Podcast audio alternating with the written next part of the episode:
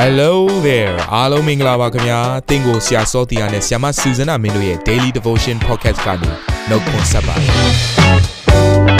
ဆရာနဲ့ဆရာမတို့ရဲ့အသက်တာမှာဘုရားရှင်ပြုတဲ့ကောင်းကြီးမင်္ဂလာများစွာရှိပါတယ်အဲ့ဒီအထက်ကပြန်လဲစီးဆင်းတဲ့နှုတ်ကပတ်တော်ကိုဒီနေ့မှနားထောင်ပြီးခွန်အားယူကြမှာဖြစ်ပါတယ်နေ့စဉ်10မိနစ်လောက်အချိန်ပေးပြီးမိမိရဲ့အသက်တာကိုကောင်းကြီးဖြစ်စေမယ့်ဘုရားသခင်ရဲ့နှုတ်ကပတ်တော်နဲ့နီးလန်းတွေကိုအတူတကွခံယူကြရအောင်ခင်ဗျာ ဘုရားသခင်ရဲ့ကျေးဇူးတော်ကိုအထူးပဲချီးမွမ်းပါတယ်။ဒီဘက်တာလုံးမှာကျမတို့လေ့လာသင်ယူနေတဲ့နှုတ်ကပတ်တော်ကတော့ဘုရားသခင်ဤကြွယ်ဝပြည့်စုံခြင်းဆိုတဲ့နှုတ်ကပတ်တော်ကိုသင်ယူနေကြခြင်းဖြစ်ပါတယ်။အဲ့တော့ဘုရားရဲ့ကြွယ်ဝပြည့်စုံခြင်းကိုနားလည်နိုင်ဖို့ရန်အတွက်သင်ဘက်ကနေပြီးတော့ကိုဟာမပြည့်စုံတဲ့သူတစ်ယောက်ဖြစ်တယ်ဆိုတဲ့အရာကိုနားလည်နိုင်ဖို့ရန်အတွက်ယေရမိနာဂတိကျမ်းခန်းကြီး33နဲ့မနေ့ကကျွန်မရှင်းပြခဲ့ပါတယ်။အဲ့ဒီထဲထဲမှာယေရမိပြောပြခဲ့တဲ့အရာ၃ချက်ရှိတယ်။ပထမတစ်ချက်ကတော့ဘုရားက တဲ့တတ္တာထဲမှာရှိနေတဲ့အားနည်းခြင်းတွေဆုံးရှုံးခြင်းတွေဆင်းရဲခြင်းတွေခိုလုံရမဲ့တဲ့အရာတွေအားလုံးတွေဘုရားက restore လုပ်ပေးခြင်းတယ်ဒါသူလုပ်ပေးခြင်းတဲ့အရာတစ်ချက်ဖြစ်တယ်ပြီးရင်တော့ restoration ပြီးပြီဆိုရင်တော့သင်ရဲ့အတ္တထဲမှာသူက revelation လို့ခေါ်တဲ့ဖွင့်ပြချက်ကိုသူဖွင့်ပြမယ်အဲ့ဒီဖွင့်ပြချက်ကတော့မြဲသောစီးစိမ်ဖြစ်တဲ့ကြွယ်ဝပြည့်စုံခြင်း abundance ကိုသင်ကိုပေးခြင်းတယ်လို့မနေ့ကဖော်ပြခဲ့ပါတယ်အဲ့တော့ထိုကြွယ်ဝပြည့်စုံခြင်းနဲ့နေခြင်းကိုနားလည်နိုင်ဖို့အတွက်အဓိကဖွင့်ပြတဲ့သူကတော့တန်ရှင်သောဝိညာဉ်တော်ဖခင်ပဲဖြစ်ပါတယ်ဇာတိပဂရိလူကတော့တန်ရှင်သောဝိညာဉ်တော်ဘုရားဖွင့်ပြတဲ့အရာကိုမခံမယူနိုင်ဘူးဘာဖြစ်လို့လဲတန်ရှင်သောဝိညာဉ်တော်ဘုရားကဖွင့်ပြပြီဆိုရင်လူရဲ့မျက်စိနဲ့မမြင်နားဖြင့်မကြားဘူးတဲ့အရာတွေစိတ်နှလုံးဖြင့်မကြံစီဘူးတဲ့အရာတွေကိုတန်ရှင်သောဝိညာဉ်တော်ကဖွင့်ပြတယ်လို့ပြောခဲ့ပါတယ်အဲ့တော့ဒီနေ့မှာတော့ထပ်ပြီးတော့သင်လေ့လာမယ့်အရာက ကြွယ်ဝပြည့်စုံခြင်းဤအတိတ်ပဲဆိုတဲ့အရာကိုလေ့လာမှာဖြစ်ပါတယ်ဒီနေ့ဘုရားသခင်ကကျမ်းစာတော်မြတ်ထဲမှာကြွယ်ဝပြည့်စုံခြင်းအတိတ်ပဲကိုရှင်းရှင်းလင်းလင်းဖော်ပြခဲ့တယ်သို့တော့ကျမတို့တခါတလေကျမတို့မြန်မာစာအနေနဲ့ကြည့်လိုက်တဲ့အခါမှာကြွယ်ဝပြည့်စုံခြင်းလို့ပြောပြီးဆိုရင်ရွှေငွေဥစ္စာပစ္စည်းကိုပဲတွားပြီးမြင်တတ်ပါတယ်ဒါကြောင့်မလို့ကျမဒီအင်္ဂလိပ်ကျမ်းစာထဲကနေပြီးတော့သူသုံးနှုံးထားတဲ့အသုံးနှုံးလေးတွေကိုခွဲထုတ်ပြီးတော့ဘုရားဆိုလိုခြင်းနဲ့ကြွယ်ဝပြည့်စုံခြင်း abundance ဆိုတဲ့စကားလုံးကိုကျမရှင်းပြမှာဖြစ်တယ်အဲ့တော့ကျမ်းစာထဲမှာကျမတို့တွေ့ဘူးမှာပါ rich ဆိုတဲ့စကားလုံး riches ပြီးရင် wealth wealthy prosper prosperous prosperity ပြီးရင်တော့ abound abundant abundance ဆိုတဲ့စကားလုံးလေးတွေကိုကျမတို့တွေ့ရပါတယ်ဒီထဲမှာသူ့ကိုကျွန်မအလွာလေးတွေခွဲထုတ်လိုက်ခြင်းတယ်အဲ့တော့ပထမတစ်ခုကတော့ဗာလဲဆိုတော့ခုန rich riches နဲ့ wealth wealthy ဆိုတဲ့စကားလုံးလေးတွေဖြစ်တယ်ဒီအရာကတော့ဘယ်အခြေအနေမှာသုံးတဲ့အရာလဲဆိုလို့ရှိရင်ငွေကြေးတွေအမြောက်အများရှိတဲ့သူကိုသုံးတယ်ပြီးရင်လက်ရပစ္စည်းတွေနဲ့ဥစ္စာပစ္စည်းပြီးရင်မြေမြောက်များစွာပိုင်ဆိုင်တဲ့သူတွေเนาะဒီအရာတွေအားလုံးကိုကြတော့ခုနကျမတို့အသုံးနှုန်းဖြစ်တဲ့ rich တို့ wealthy တို့ဆိုတဲ့စကားလုံးတွေနဲ့ကျမတို့သုံးရပါတယ် သို့တော့ကျမ်းစာထဲမှာပြောထားတဲ့စကားလုံးလေးတစ်လုံးရှိပါတယ်ဒါကတော့နောက်ထပ်တစ်ဆင့်ဖြစ်တဲ့ prosper prosperous prosperity ဆိုတဲ့စကားလုံးပဲဖြစ်ပါတယ်အဲ့တော့ဒီစကားလုံးကိုကြည့်လိုက်မယ်ဆိုရင်၃ရောနှစ်ထဲမှာတွေ့ရတယ်၃ရောမှာတစ်ခန်းပဲရှိတဲ့အတွက်ကြောင့်မလို့အခန်းငယ်နှစ်ကိုရည်ညွှန်းနေခြင်းဖြစ်ပါတယ်အချင်းချစ်သူသင်စိတ်နှလုံးသည်ကောင်းစားတဲ့သို့သင်သည်အရာရာ၌ကောင်းစားခြင်းနဲ့ကျမ်းမာခြင်းရှိနေကြောင်းငါဆုတောင်းတယ်လို့ပြောတဲ့အခါမှာအဲ့မှာ prosperous soul ဆိုတဲ့စကားလုံးကိုတွေ့ရပါတယ်အဲ့တော့ဒီမှာလဲကြည့်လိုက်တဲ့အခါမှာသူကအာ ကောင်းစားခြင်းဆိုတဲ့စကားလုံးပေါ့မြန်မာကျမ်းစာထဲမှာတွေ့ရတဲ့အခါမှာဒီအရာကဘာကိုရည်ညွှန်းနေရလဲဆိုတော့အဲ့ prosperity prosperous ဆိုတဲ့စကားလုံးက success ဆိုတဲ့စကားလုံးကိုရည်ညွှန်းနေခြင်းဖြစ်တယ်။တနည်းအားဖြင့်ကောင်းစားခြင်းဆိုတဲ့အရာက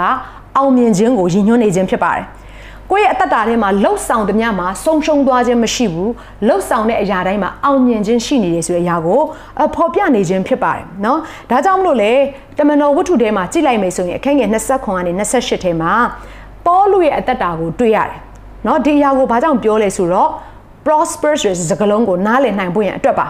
အဲ့ဒီနေရာမှာကြည့်လိုက်တဲ့အခါမှာရှင်ပေါလုကယောမမြို့ကိုတွားဖို့ရန်အတွက်သူဆုတောင်းတယ်သူ့ထဲထဲမှာဘုရားသခင်ပေးထားတဲ့ဧဝံဂေလိနဲ့သက်ဆိုင်တဲ့ကောင်းကြီးမင်္ဂလာကြွယ်ဝခြင်းကိုယောမမြို့မှာရှိတဲ့သူတွေကိုသူကပြန်လည်ပြီးတော့ပေးကမ်းကြတာဖြစ်တယ်အဲ့တော့သူကယောမမြို့ကိုတွားဖို့တဲ့ နော်သူဘလို့သွားခဲ့ရလဲဆိုတော့ first class နဲ့နော်ဒီခေတ်နဲ့ဆိုလို့ရှိရင်လေယာဉ်မှာ upper class နဲ့သွားတာမဟုတ်ဘူးအရှိဆုံးခန်းကနေထိုင်ကုန်ကြီးကြီးကိုစီးပြီးတော့သွားတဲ့ပုံစံနဲ့အဲမတူပါဘူးသူသွားတဲ့ပုံစံကတော့ခြေချင်းတွေနဲ့လက်ထိတ်တွေနဲ့တင်မောကိုစီးပြီးတော့သွားခဲ့ရတာဖြစ်တယ်လမ်းမှာလေပြင်းပုံတိုင်းတိုက်တယ်နောက်ဆုံးကျွန်းတကြိုးမှာတောင်တင်သွားတယ်เนาะတကယ့်ကိုအသက်အန္တရာယ်မျိုးစုံနဲ့ကြုံဆုံခဲ့ရပေမဲ့လည်းရှင်ပေါလုဟာမသေးခဲ့ဘူး ထူးဆန်းတဲ့အရာတစ်ခုကဘာလဲဆိုတော့ခုနကျွန်းကိုရောက်တဲ့အခါမှာ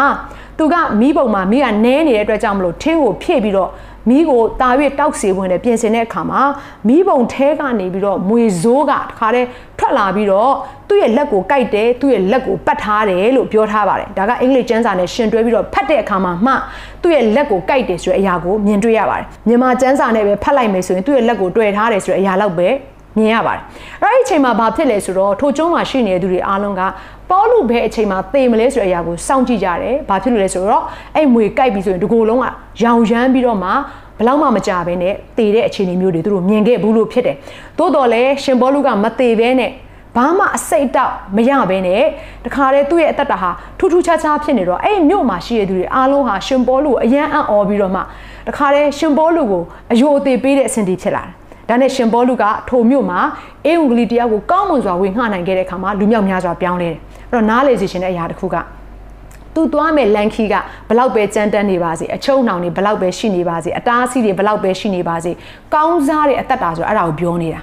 လောက်ရမယ့်အရာကိုပြီးမြောက်အောင်မြင်ခြင်းကိုပြောနေတာဖြစ်တယ်ဒါနဲ့ तू ကအဲ့ဒီကျွန်းလေးမှာပဲတောင်းတင်နေတာမဟုတ်ဘူး तू ကဘယ်အထိရောက်သွားလဲဆိုတော့ယောမမြို့အထိကောင်းမွန်စွာရောက်ရှိသွားတယ်ဆိုတဲ့အရာကိုတွေ့ရတယ် အဲ့တော့နားလေစေချင်တယ်ရွှေငွေဘလောက်ပဲရှိရှိတင်မောပြက်ထဲမှာရွှေငွေနဲ့မုံတိုင်းရက်ပေးပါလို့ပြောလို့မရအောင်မွေကြိုက်တဲ့အခါမှာတခါတည်းမွေစိတ်ချက်ချင်းပြေသွားဖို့ရန်အတွက်မသေးဖို့ရန်အတွက်အဲ့ဒီကျွန်းမှာရွှေငွေနဲ့ပြလို့မရပါဘူးအဲ့ဒီအခုရလာတဲ့နမိတ်လက္ခဏာဆိုတာစစ်မှန်တဲ့ကြွယ်ဝခြင်းကိုပြောနေခြင်းဖြစ်တယ်အာမင်ဒါကြောင့်မလို့ကျွန်တော်တို့ယုံကြည်သူတယောက်ချင်းကြရဲ့အသက်တာထဲမှာလိုအပ်တဲ့အရာကစစ်မှန်တဲ့ဘုရားသခင်ရဲ့ကြွယ်ဝပြည့်စုံခြင်း လိုအပ်နေတာပါဟာလေလုယာဒါကြောင့်မို့သင်ရဲ့တက်တာထဲမှာထိုစစ်မှန်တဲ့ကြွယ်ဝပြည့်စုံခြင်းရရှိပွင့်တဲ့ယေရှုနာမ၌ကောင်းချီးပေးတယ်နောက်တစ်ခုကတော့ဗာလဲဆိုရင် abound abundant and abundance အဲ့တော့ဒီအရာကပိုင်ဆိုင်မှုအများကြီးကိုရည်ညွှန်းနေတဲ့အရာမဟုတ်ဘူးကျမ်းစာထဲမှာယေရှုပြောနေတဲ့ကြွယ်ဝပြည့်စုံခြင်းလို့ခေါ်တဲ့ abundance ဆိုတဲ့အရာကတော့လုံလောက်နေခြင်းပြီးတော့ပေးကမ်းနိုင်ခြင်းကိုဆိုလိုနေခြင်းဖြစ်ပါတယ် ဥပမာတစ်ခုကိုပြောရမယ်ဆိုရင်ဆိုပါစို့ကျမကငွေ2000ရှိတယ်အဲ့တော့ဈေးသွားဝယ်တယ်ဈေးသွားဝယ်တဲ့အခါမှာကိုလိုအပ်တဲ့အရာတွေကိုဝယ်လိုက်တဲ့အခါမှာ1000လောက်ပဲကုန်တယ်နောက်တဲ့1000ကပိုနေတယ်ဆိုရင်ကျမဟာလုံလောက်နေတဲ့သူဖြစ်တယ်ပြီးရင်ပိုလဲပိုရှန်တယ်အဲ့1000ကိုသူတစ်ပါးကိုပေးခြင်းလဲပေးနိုင်တဲ့အခြေအနေရှိတယ်ဒါကိုကြွယ်ဝပြည့်စုံခြင်းလို့ခေါ်တယ်အဲ့တော့ကျမတို့ကြွယ်ဝပြည့်စုံခြင်းလို့စဉ်းစားလိုက်ပြီဆိုလို့ရှိရင်တော်တော်များများက နော်ကိုကြိုက်တာဝယ်လို့ရတယ်ကိုကြိုက်တာသုံးလို့ရတယ်ဆိုတဲ့အဆင့်ကိုပဲကျမတို့ကစဉ်းစားတတ်ကြတာ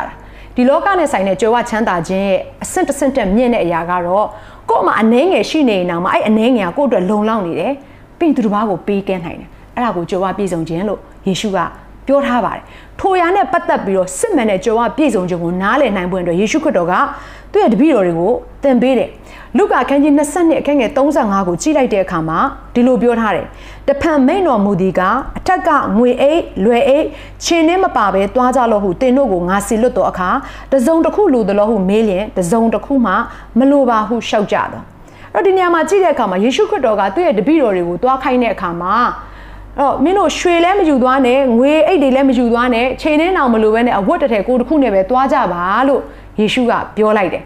အဲ့တော့တချို့တချို့သောသူတွေကတပိုင်းပဲယူတယ်တကယ်ယေရှုဆိုလိုနေတဲ့အကြောင်းအရာကိုသူတို့ကမဖော်ပြကြအောင်ဝတ်ထားကြတယ်အဲ့တော့ပထမတစ်ပိုင်းကပါလဲဆိုတော့ဟာယေရှုမှာရွှေတွေရှိတယ်ငွေတွေရှိတယ်မြောက်များစွာသောဥစ္စာပစ္စည်းပိုင်ဆိုင်တယ်ဆိုတဲ့အရာကိုပဲ prosperity နဲ့ဆိုင်တဲ့ message ကိုပဲဝေငှခြင်းနဲ့ သူတွေကတနည်းအားဖြင့်ဒီလောကနဲ့ဆိုင်တဲ့စီးစိမ်ဥစ္စာဇာတိပိကိနဲ့ဆိုင်တဲ့လောကီတက်မှတ်ခြင်းနဲ့ဆိုင်တဲ့အရာတွေကိုပဲเนาะစိတ်ဆွဲတဲ့သူကထိုအရာကိုပဲမိမောင်းထိုးပြီးတော့ပြောပါတယ်။သို့တော့ယေရှုခရစ်တော်ကကြံတဲ့တစ်ဖက်မှာဝိညာဉ်နဲ့ဆိုင်တဲ့အရာကိုပြောပြထားတယ်။အဲ့ဒါကတော့ကြွယ်ဝခြင်း။ဘာကိုပြောနေလဲဆိုတော့မင်းတို့သွားလိုက်ပါတဲ့။ဒီလောကနဲ့ဆိုင်တဲ့ရွှေငွေတွေမယူသွားရင်တောင်မှတဲ့မင်းတို့သွားတဲ့လမ်းမှာလိုအပ်ချက်တစ်ခုမှမရှိဘဲနဲ့ပြည့်စုံရတဲ့အခွင့်ကြွယ်ဝတဲ့အခွင့်ငါပေးနိုင်တယ်လို့ယေရှုကပြောနေခြင်းဖြစ်တယ်။တစ်ဖက်မှာလည်းယေရှုကဘာသင်ပေးလဲဆိုတော့မင်းတို့ဟာအဖိုးခမပေး ဘဲနဲ့ရမှတော့တဲ့အဖိုးခမယူပဲပြန်ပေးကြလို့ပြောတဲ့အခါမှာသူ့ရဲ့တပည့်တော်တွေကသွားတဲ့အခါမှာ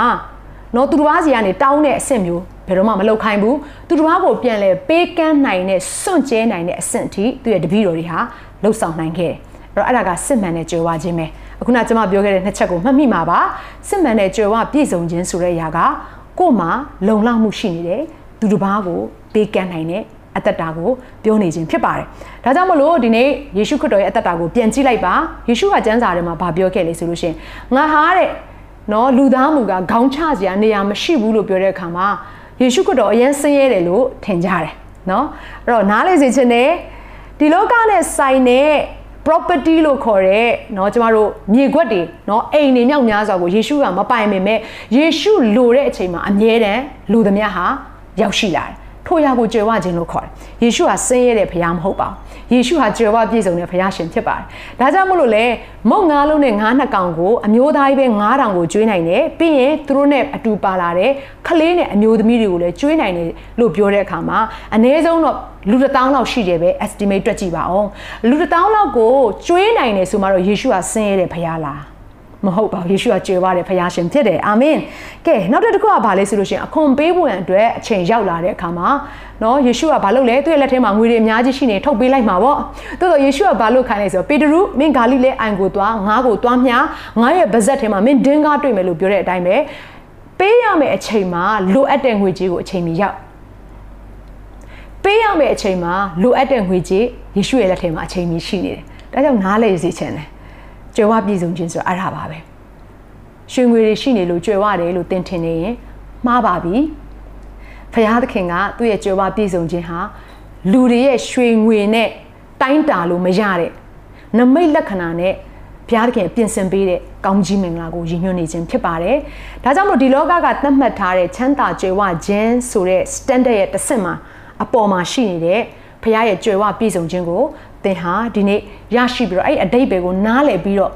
ထိုကဲ့သို့ဖျားပေးတဲ့စစ်မှန်တဲ့ကြွားပြည့်စုံခြင်းကိုတောင်းခံတတဲ့သူဖြစ်ဖို့ရန်အတွက်ဒီနေ့ကျွန်မတယောက်ချင်းစံကိုနှုတ်ကပတ်တော်အားဖြင့်တိဆောက်ပေးလိုပါတယ်။ရောက်ချင်းစံကိုဖျားခင်ကောင်းကြီးပေးပါစေ။အခုချိန်မှာကျွန်မတို့အတူတူကအသက်တာအသီးသီးကိုစက္ကဲအနှံကြပါစို့။ အသက်ရှင်သောဘုရားသခင်ကောင်းမြတ်သောဘုရားသခင်တစ္ဆာရှိတော်မူသောဘုရားသခင်အိုဘုံစည်းစိမ်အလုံးစုံနဲ့ကြွယ်ဝပြည့်စုံတော်မူသောဘုရားသခင်ဒီနေ့သားသမီးရဲ့အသက်တာအသီးသီးကိုကိုရောထံတော်ထဲမှာစက္ကဲအနှံပါတယ်သားသမီးဒီလောကနဲ့ဆိုင်တဲ့ဈေးစဉ်ဥစ္စာတွေကိုသားသမီးတို့မတောင်းပါဘူးကိုရိုနက်ဆိုင်တဲ့ကြွယ်ဝပြည့်စုံခြင်းကိုပဲသားသမီးတို့တောင်းပါတယ်။အိုကိုရိုနက်ဆိုင်တဲ့ကြွယ်ဝပြည့်စုံခြင်းကိုရပြီဆိုရင်ဒီလောကနဲ့ဆိုင်တဲ့ဈေးစဉ်ဥစ္စာတွေအားလုံးဟာသားသမီးတို့အတွက်ဟိုအလွန်ပင်သေးငယ်လုံးတဲ့အရာပဲဖြစ်ပါတယ်။ဒါကြောင့်မလို့ကိုရောဒီနေ့စစ်မှန်တဲ့ကိုရောပေးခြင်းတဲ့ abundance life ကိုသားသမီးတို့ရဖို့ရန်အတွက်ကြွယ်ဝပြည့်စုံခြင်းနဲ့ဆိုင်တဲ့အသက်တာကိုရဖို့ရန်အတွက်သားသမီးတို့တောင်းခံပါတယ်။နှုတ်ကပတ်တော်ကိုနားထောင်နေကြတဲ့သူတယောက်ချင်းဆိုင်ရဲ့အသက်တာထဲမှာသူတစ်ပါးနဲ့မတူတဲ့ကိုရောထံမှလာတဲ့ကြွယ်ဝပြည့်စုံခြင်းအလုံးစုံကိုခံရပါမိအကြောင်းကောင်းကြီးပေးပါတယ်။တက်တာထဲမှာချုံနှောင်ခြင်းခံရတဲ့သူတွေဆင်းရဲနေတဲ့သူတွေဝမ်းနည်းနေရတဲ့သူတွေအိုမကြမ်းမမာတဲ့သူတွေအားလုံးကိုကိုယ့်ရဲ့ကြွယ်ဝပြည့်စုံခြင်းနဲ့ကိုတော့တွန်းလောင်းပေးပွင့်အတွက်ကောင်းကြီးပေးပါတယ်ဟာလေလုယာနမိတ်လက်ခံနဲ့သူတို့ရဲ့အသက်တာကိုထုတ်ဆောင်တော်မူပါယေရှုနာမကိုအမိပြုအရောက်ချင်းဆိုင်အသက်တာကိုကောင်းကြီးပေးလျက်ဆုတောင်းဆက်ကဲအနံပါတယ်အဖမြတ်စွာဘုရားသခင်အာမင်